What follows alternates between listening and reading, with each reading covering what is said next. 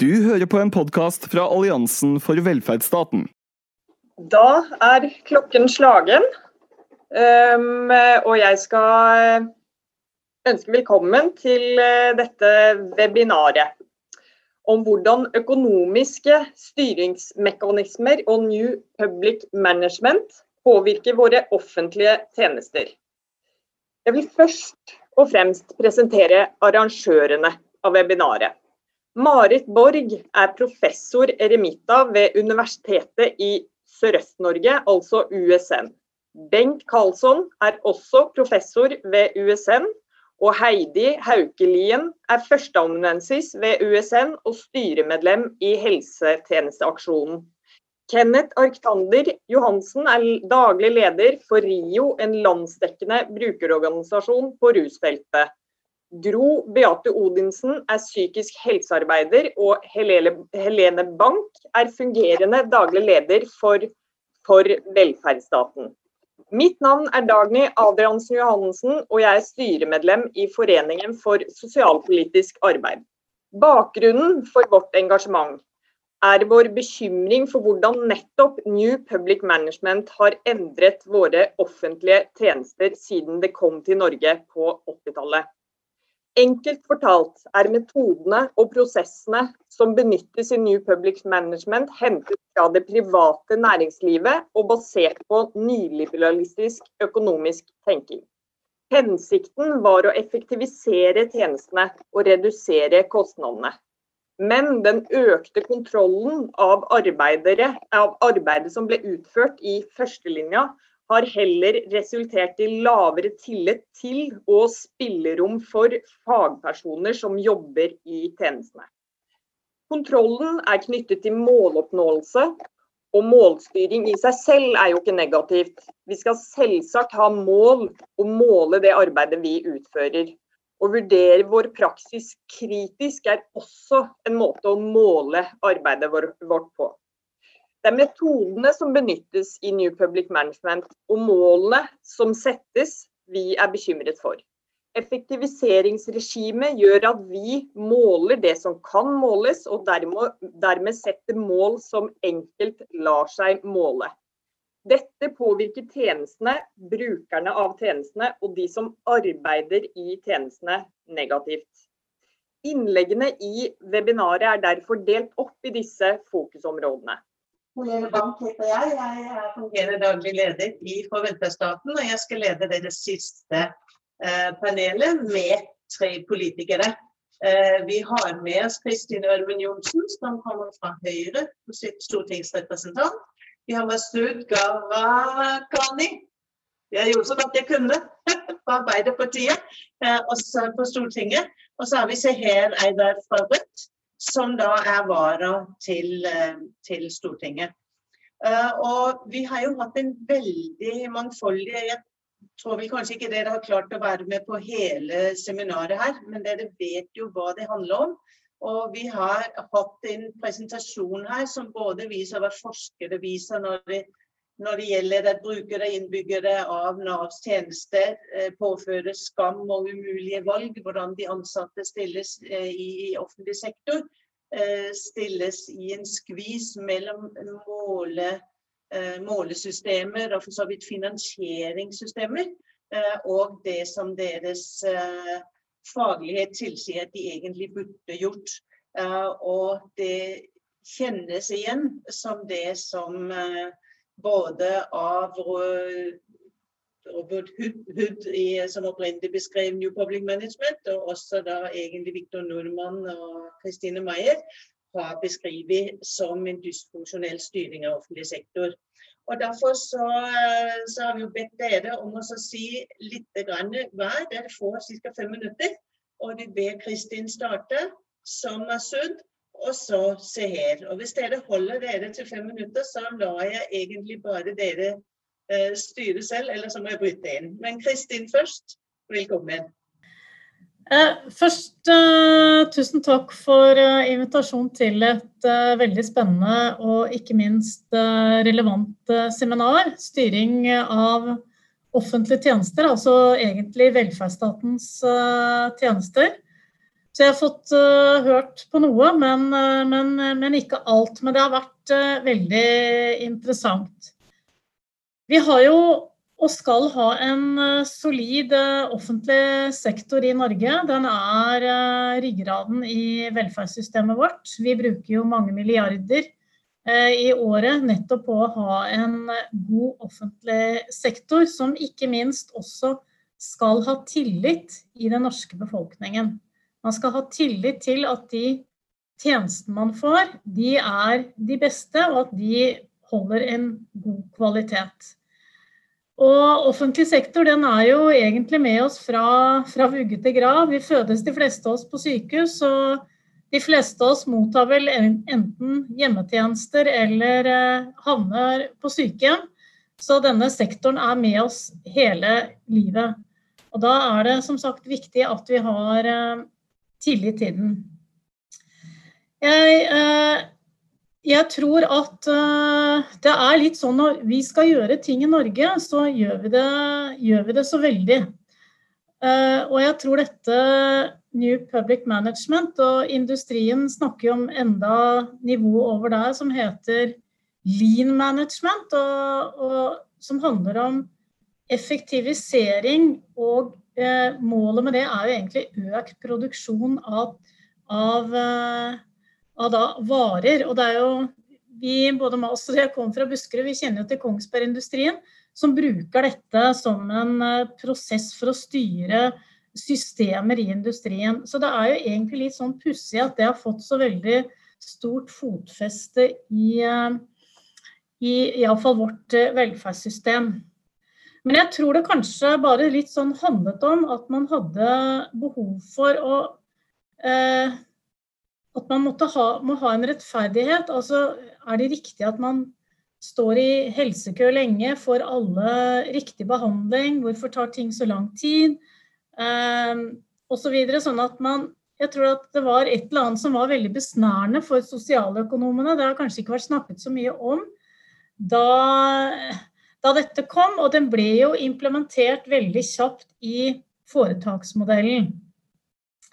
Eh, og den, kjenner, den, eh, den kjenner, vi jo, kjenner, vi jo, godt. Og så er liksom spørsmålet hva, hva, gjør vi for å rett og slett eh, komme oss litt ut av det taket som den eh, eh modellen har fått på oss, og som eh, også representanten fra Norsk Sykepleierforbund, Kai Øyvind Brenden, sa altså, vi har jo ikke brukt det som egentlig var poenget, og som er poenget i, i modellen. Det er jo det at ansvar skal, skal, så langt ned i organisasjonen, og det beslutninger skal tas på det lavest mulige nivå. Og jeg tror vel også alle er vel enige om at vi har fått uh, kanskje for mange lag.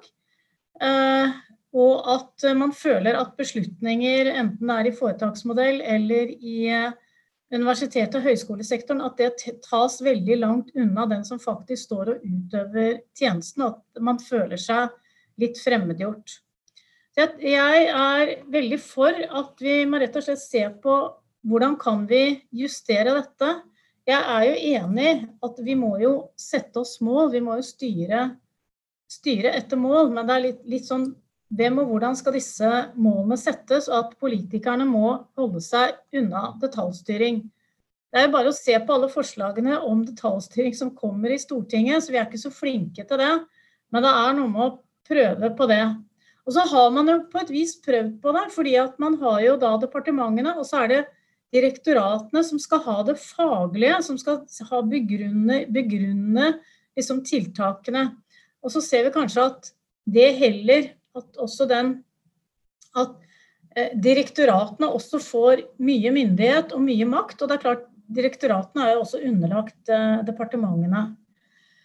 Og hvordan liksom kommer vi litt videre? Og da har jeg iallfall lyst til, før jeg eh, slipper ordet videre, til å nevne et veldig spennende initiativ som har kommet når vi behandlet et Dokument 8-forslag fra Senterpartiet om en granskning av barnevernet. Og eh, jeg kan iallfall si for vår del så mener vi at vi har nok rapporter som forteller om hva vi egentlig bør gjøre i barnevernet. Og det skal eh, som, og det skal også settes ned en NOU, og det skal jobbes med rettssikkerhet. Men da kom det både fra, fra FO og KS og barneverns, eh, se, akademikerne, ja, eh, barnevernspedagogene og Fagforbundet et forslag om et partssammensatt utvalg som skulle jobbe mer handlingsorientert for å finne hvordan kan man få ut få til forbedringer i barnevernet.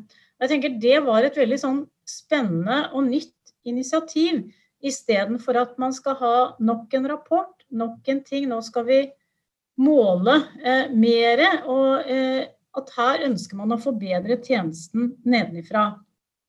Da kan du runde av nå, Kristin. Ja, så jeg synes det, jeg vil iallfall rose det initiativet. Da, og jeg tror det, eh, det kan nok få flertall i salen at man ønsker å gå, gå for det. Takk skal du ha. Masud? Da får for si velkommen til Drammen, da, på en måte. Eh, jeg er på hjemmekontor, og hvis det er litt eh, barn som lager lyd i bakgrunnen, så får jeg beklage det, men sånn er det i disse tider. Og han spiller Minecraft, så vi satser på at det går greit. Tillitsreform i offentlig sektor. Jeg har jo hatt gleden av å lede dette arbeidet i programkomiteen til Arbeiderpartiet. Og vi er tydelige på at dette kommer til å være en av våre viktigste regjeringsprosjekter eh, ved et regjeringsskifte neste år og en Arbeiderparti-ledet regjering. Eh, og dette er jo en eh, tillitsreform, og jeg har vært opptatt av at når vi skal jobbe med det, så skal arbeidstakerorganisasjonene ha hånda på rattet. Så jeg har jobbet tett med fagbevegelsen og også mange andre utenfor min egen arbeiderbevegelse som er opptatt av dette. Eh, og For oss så, så, handler det jo om at velferdsstaten skal stille opp for oss den dagen vi trenger det. Uavhengig av eh, hvor i landet vi bor, og uavhengig av størrelsen på lommeboka. Eh, og i dette arbeidet så vet jo vi alle sammen at vi er heldige at vi bor i et land som Norge. Tenk dere hvordan hadde vi klart å håndtere pandemien hvis vi ikke hadde hatt disse flotte folka i helsevesenet som har jobbet døgnet rundt for å redde liv og helse de flotte folka i oppvekstsektoren som slang seg rundt og organiserte hjemmeskole, tilbud til de foreldre som måtte jobbe ute i felt, når mange av oss kunne ha hjemmekontor når Norge var i lockdown og tidvis kommer til å være i eh, lockdown. Alt dette handler jo om velferdsstaten, handler om den norske modellen, eller det jeg kaller for den sosialdemokratiske modellen, med en sterk velferdsstat, sterke fagforeninger og trygg økonomisk styring. Så dette er liksom vårt utgangspunkt. Eh, og eh, skal vi da lykkes med å ha en velferdsstat i tiden fremover. Og vi er jo tydelige på det, at eh, for Arbeiderpartiet så går vi til valg på å styrke velferdsstaten og gjennomføre en tillitsreform. Det er helt uaktuelt å privatisere og kutte i, i, i, velferdsstaten. Eh, men skal vi ha en velferdsstat i tiden fremover, så er vi avhengig av en sterk og velfungerende offentlig sektor preget av arbeidsglede for de flotte folka som jobber der. Og det er jo sånn at Vi har en ganske velfungerende offentlig sektor i Norge. Mye bra gjøres. Eh, men gjennom de samtalene vi har hatt med ansattes eh, organisasjoner, så har de vært tydelige eh, til oss at det er en del ting som må tas tak i. Det ene er at avstanden mellom de på toppen og de som jobber på gulvet, virkelighetsbeskrivelsen av hvordan faktisk ting er, den øker. Ledelsen involverer de ansatte for lite. De menneskene som jobber med det som er viktigst for deg og meg, enten det er å ta vare på barna våre, de eldre og mange andre yrker, de har minst medbestemmelse eh, blant samtlige yrkesgrupper. Dette kjenner vi til. Eh, de forteller oss om at, eh, at det er blitt altfor mye marked i alle deler av velferdsstaten. Alt fra det rene kommersielle, hvor folk tjener penger på norsk velferd på bekostning av dårligere lønns- og arbeidsvilkår, men også til at alt skal passes inn i et Excel-ark. Altså, det er ikke sånn at mennesker er produkter. Det er mennesker, det er en helhet som må på plass et velferdstilbud. Eh, og De forteller også oss eh, om at det er for mye eh, idiotisk målstyring og rapportering som ikke forteller noe om kvaliteten, men som båndlegger tid som kunne vært brukt på å gi bedre tjenester til innbyggerne, og som også skaper mye frustrasjon. og Eksemplene er mange. Jeg har ikke tid til å gå gjennom alle eksemplene.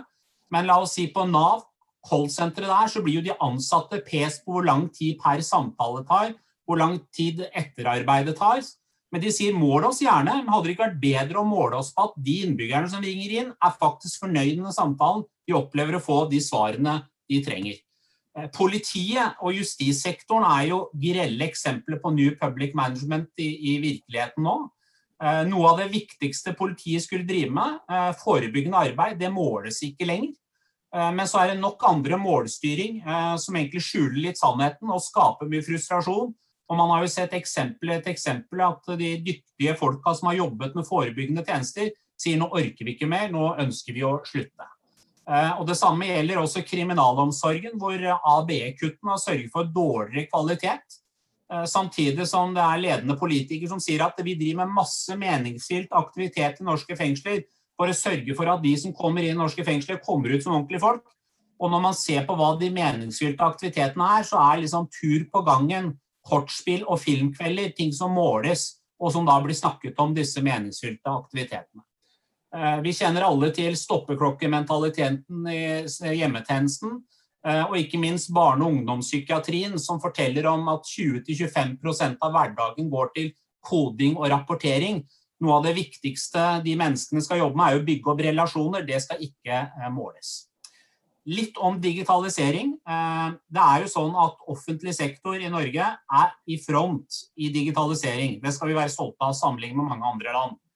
Men når det er sagt, så vet vi det at i hvert fall dagens regjering har jo en politikk at mest mulig skal da privatiseres. og Derfor så har jo offentlig sektor blitt en melkeku for konsulentselskaper. Eh, man bygger ikke opp egen eh, kompetanse. Så hva er våre politiske løsninger? Jeg skal komme veldig kort inn på det. Sammen med arbeidstakerorganisasjonene gjennomføre tillitsreform innenfor samtlige sektorer. Vi er tydelige på at vi ønsker en sterkere velferdsstat ved å slå ring om offentlig sektor og ideelle aktører. Det betyr mindre marked, redusere bruken av markedsmekanismer i alle deler av velferdsstaten, bestille utførermodeller, outsourcing, internfakturering, konkurranseutsetting, privatisering og markedsbasert finansiering av velferdstilbudet. At uh, sektor for sektor, departement for departement, samtlige statsråder skal få i ansvar om å gå gjennom hvor er feilslått målstyring, hva skal vekk, hvordan skal vi sikre at det er kvaliteten? Trepartssamarbeidet er ikke noe bare privat næringsliv skal drive med. Det skal også gjennomsyre offentlig sektor, og vi må ha ledere som forstår det. Og ikke bygge opp helt til slutt nå, bygge opp egen kompetanse på digitalisering. Takk. Takk skal du ha, Masud. Da går vi rett på Seher. Vær så god.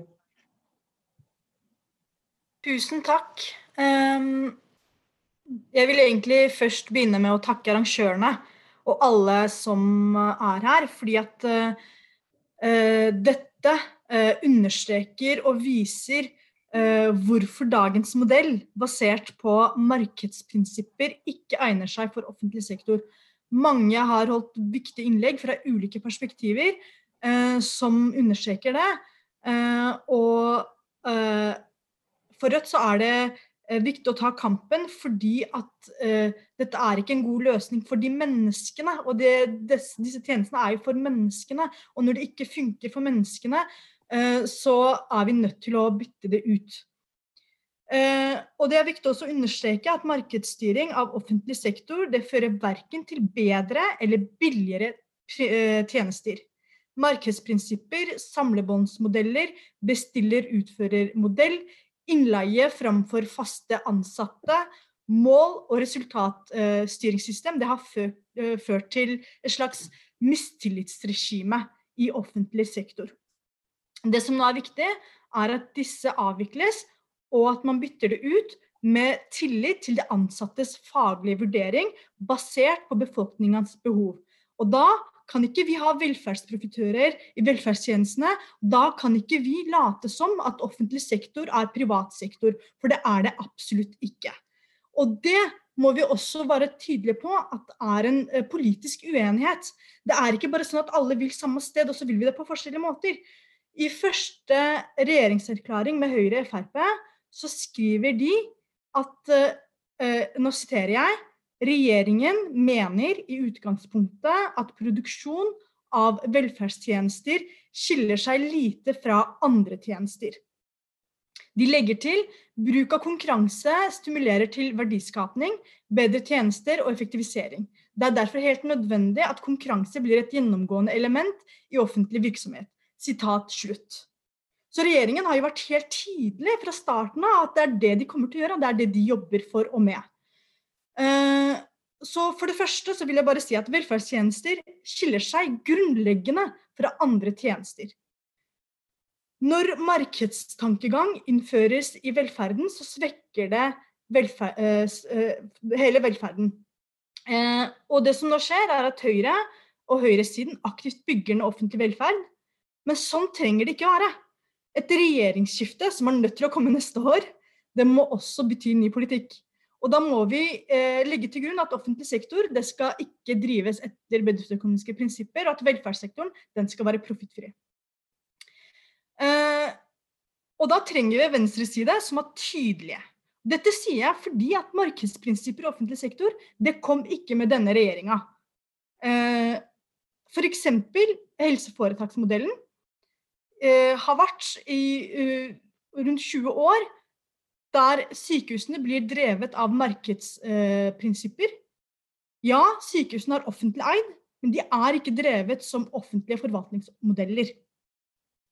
Eh, da er vi nødt til å si at vi trenger å avvikle helseforetaksmodellen. At vi kan ikke ha eh, finansieringsordninger som er aktivitetsbasert. Eh, bruk av kommersielle det må avvikles. Sykehus kan ikke drives som bedrift. Det burde være minimum for hele venstresiden å være enig i at helseforetaksmodellen må avvikles. Eh, det andre som eh, jeg har lyst til å nevne, det er eh, regjeringens gigantiske ostehøvelkutt i hele offentlig sektor, såkalte ABE-reformen. Alt fra høyere utdanning, kriminalomsorg til sykehusene. Og prisen det er altfor høyt. Ikke bare mener jeg, de milliardene som regjeringen på en måte tar inn fra offentlig sektor for å gi skattegaver til de aller rikeste. Men det vi ser, er modeller eh, som eh, baserer seg på at eh, offentlig sektor kan drives som, eh, som om man produserer hvilken som helst vare. Eh, men det er ikke sånn vi kan drive de viktigste tjenestene for folk som både er friske, men også som kanskje er sårbare i møte med disse tjenestene. Eh, så det som skjer nå, er at eh, de som jobber i offentlig sektor, de må gjøre mer på kortere tid. Eh, det er ikke bra for de ansatte. Det er ikke bra for alle oss som trenger velferdstjenestene og offentlig sektor. Det som, bare for å si runde av kort, så trenger vi at vi styrker ytringsfriheten i arbeidslivet at eh, vi har et offentlig sektor som er basert på faglighet, ikke markedsstyring, og behovene for folk. Eh, og at vi står sammen med de ansatte som trenger tid og tillit til å gjøre jobben sin. At vi står med lokalbefolkningen som kjemper for sin lokalsykehus, også her i Oslo når det gjelder Ullevål Aker sykehus. Og at vi eh, lager politikk ikke for direktører med million, millionlønninger, men for de ansatte og for befolkningen. Og det er helt eh, klart at eh, Rødt står støtt i denne kampen, og vi har planer om å eh, bryte sperregrensen og pushe på for en offentlig sektor for folk, og ikke for markeder. Takk skal du ha, eh, Seher.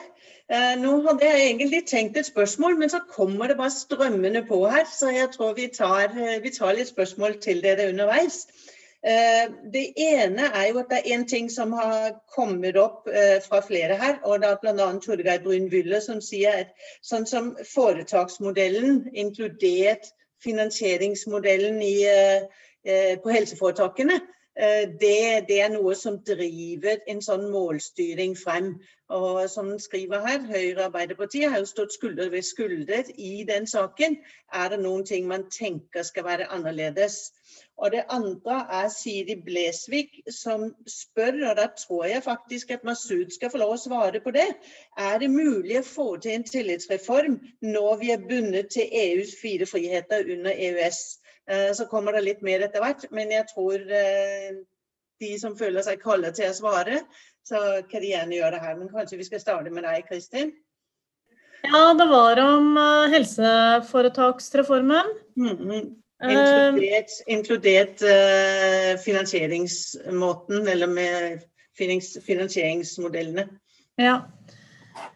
Nei, Høyre har ikke tenkt å forlate helseforetaksreformen, men det betyr ikke at uh, all organisering uh, kan endres. Nå er jo finansieringsmodellen i reformen at du har en basisramme, og så får du da tilbake disse DRG-poengene som dere kjenner til, eh, per pasient. Det er klart at dette kan altså jeg, eh, Høyre er åpen for, for å justere det, men samtidig så ser vi jo det at det å ha At man har en motivasjon til å behandle flere pasienter er viktig. For det, handler jo også om eh, sykehuskøer, at flere kommer gjennom systemet og får behandling. Og det handler jo også om tilliten til systemet. Hvis du skal stå to år i en kø for å få en operasjon, så har du, som kanskje er veldig enkel, og som kanskje også kan gjøres av private, med, ved at de offentlige betaler, så får du Altså vi er totalt avhengig av å ha et velferdssystem som har en tillit i befolkningen. Den dagen vi ikke har det, så vil, vil det vokse fram helt andre tilbud som vi ikke Vi er ikke interessert i det. Eksempelvis kreftbehandling.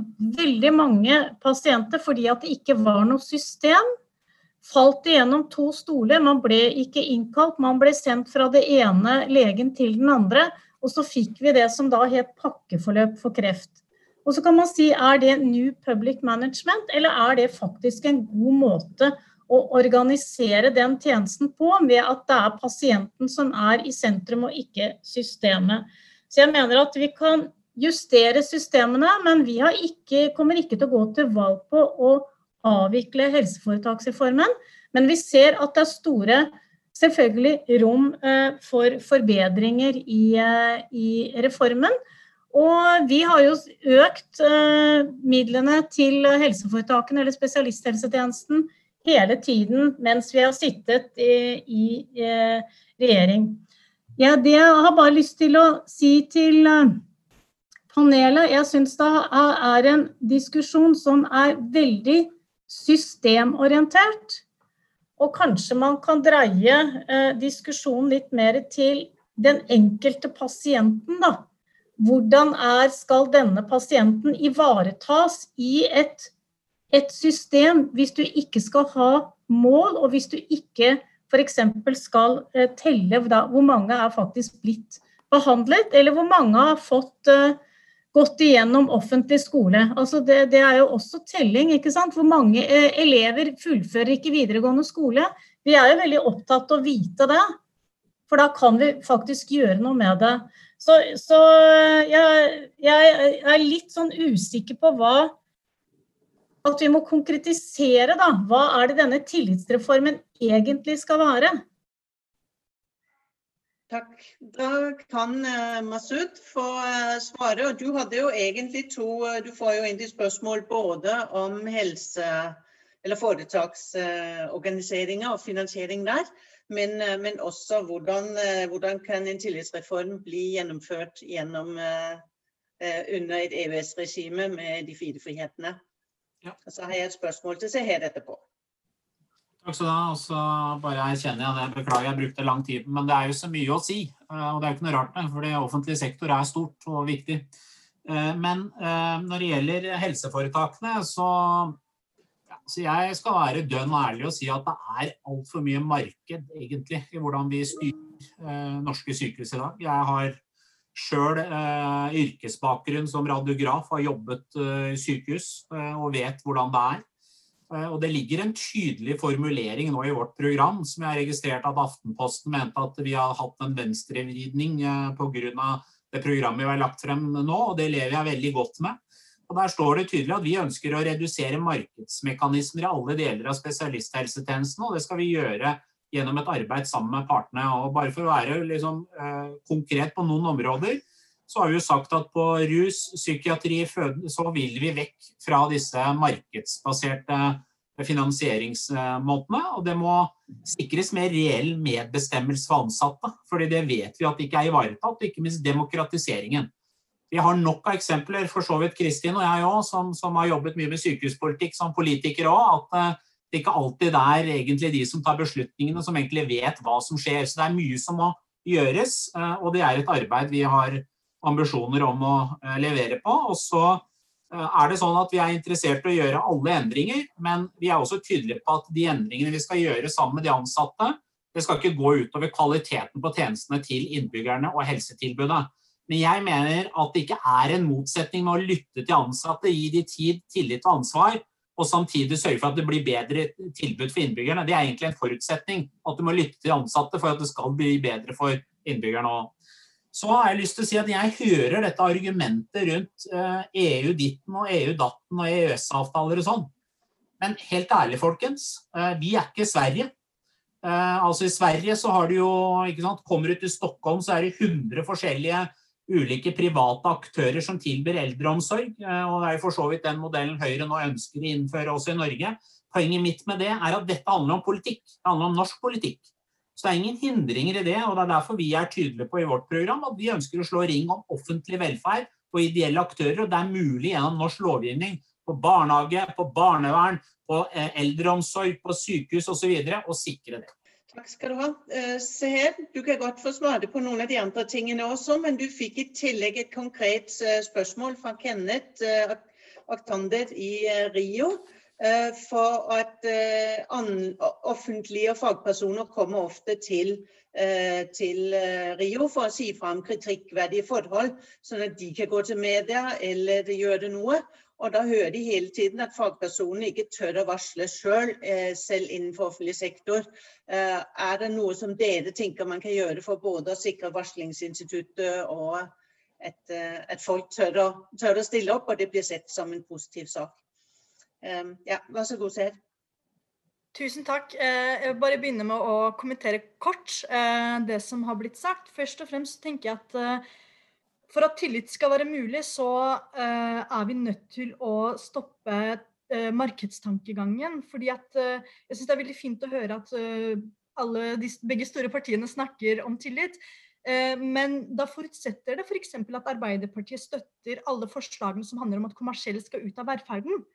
Fordi at Så lenge kommersielle er der, så kreves det kontroll for at de skal bruke pengene på det de har fått penger til. Og da kan man heller ikke eh, både på den ene siden innføre eh, ostehøvelkutt og eh, markedstankegang, eh, og si at det skal være eh, tillit når alt er basert på eh, resultat, måleresultater. Og det er ikke alt som kan måles i møte med mennesker. Og det tror jeg er en viktig forståelse som alle politikere er nødt til å ha. Og det er ikke alt som kan måles. I tillegg så er det sånn at politikere kan eh, veldig lite om ganske mange faglige eh, fagligheter som fagfolk er nødt til å ta stilling til hele tiden. Og det er vi nødt til å anerkjenne. Hvis vi ikke gjør det, så fortsetter bare detaljstyringen. Når det kommer til det som eh, jeg fikk konkret spørsmål om, om ytringsfrihet, så har vi også jobbet litt med det i arbeidsprogrammet vårt, som vi har nå lagt frem. Eh, der ytringsfriheten i arbeidslivet er nødt til å bli reell. Og det er det ikke i dag. Både når det gjelder eh, den informasjonen man kan få om lønn og arbeidsvilkår, men også hva man kan si. Folk får kontrakter der de til og med skriver under på sånn lojalitetsavtaler. da, så det vi sier er at det må stanse, at de må få bedre vern, og at eh, varslervernet det må også sikres gjennom f.eks. Arbeidstilsynet. som da får et overordna ansvar for å sikre at det skjer i praksis. Eh, det er de eh, punktene vi har lagt inn nå. Eh, og jeg tenker at veldig mange snakker om ytringsfrihet i samfunnet vårt. Men veldig få snakker om ytringsfrihet i arbeidslivet, så jeg vil bare takke også Kenneth for det spørsmålet. Takk skal dere ha. Det har kommet et, og jeg tror vi skal ta litt Jeg ser det er fremdeles mange som deltar her. Vi tar fem minutter over tid her. For det kommer et annet spørsmål også. Det er Kenneth som nevner det. Eh, han snakket jo litt i sin presentasjon, uh, Kenneth Aktander fra Rio, om dette spørsmålet om, om man får en, en falsk eller en, eller en, reell medbestemmelse i, i, innenfor tjenestene. og Det var jo ruspsykiatri som han dekka. Og så sier han òg det er lite få som snakker om de om de ansatte nå, men lite snakk om, om brukerne. og et trepartssamarbeid må jo kanskje utvides til et firepart eh, hvis man skal reelt sett ha deltøy, hva heter det, brukere, eller innbyggerne eh, med i, eh, i, dette videre. Er det noen av dere som vil svare på det? Jeg kan godt svare kort alle tre. Jeg vil gjerne få lov til å svare på det. Det handler jo om brukermedvirkning. Og det er jo helt uh, vesentlig. Og der har jo uh, både utdanningsinstitusjonene, når de lager utdanningsprogrammer, der vil jeg iallfall nevne, nevne min hjemkommune Drammen, som var noen av de første som tok med en som hadde selv erfaring fra psykiatrien og underviste studentene. Og jeg tenker at det er et uh, kjempegodt eksempel på brukermedvirkning i utdanning. Men når man skal lage eller ordne med nye systemer, så er det klart man må ha med, og det var derfor jeg sa den enkelte bruker i sentrum. Det, det er veldig mye snakk om systemene, men det er den som har kreftdiagnosen. Det er eh, den som eh, ikke har fått en diagnose, og som eh, enten har en psykisk lidelse, eller rett og slett man finner ikke ut hva det er. Det er de man må snakke med og mer om. Derfor skulle jeg egentlig ønske meg et seminar hvor man hadde alle disse brukerne i systemet med. For, for det er jo også veldig mange fornøyde pasienter. Men jeg, jeg faktisk Nå fikk jeg ikke hørt foredraget til Kenneth Alexander, men jeg opplever iallfall at uh, vi uh, fra vår regjering har vært utrolig viktige på å løfte frem de som han sa satt nederst ved bordet, og få til brukermedvirkning i det vi gjør.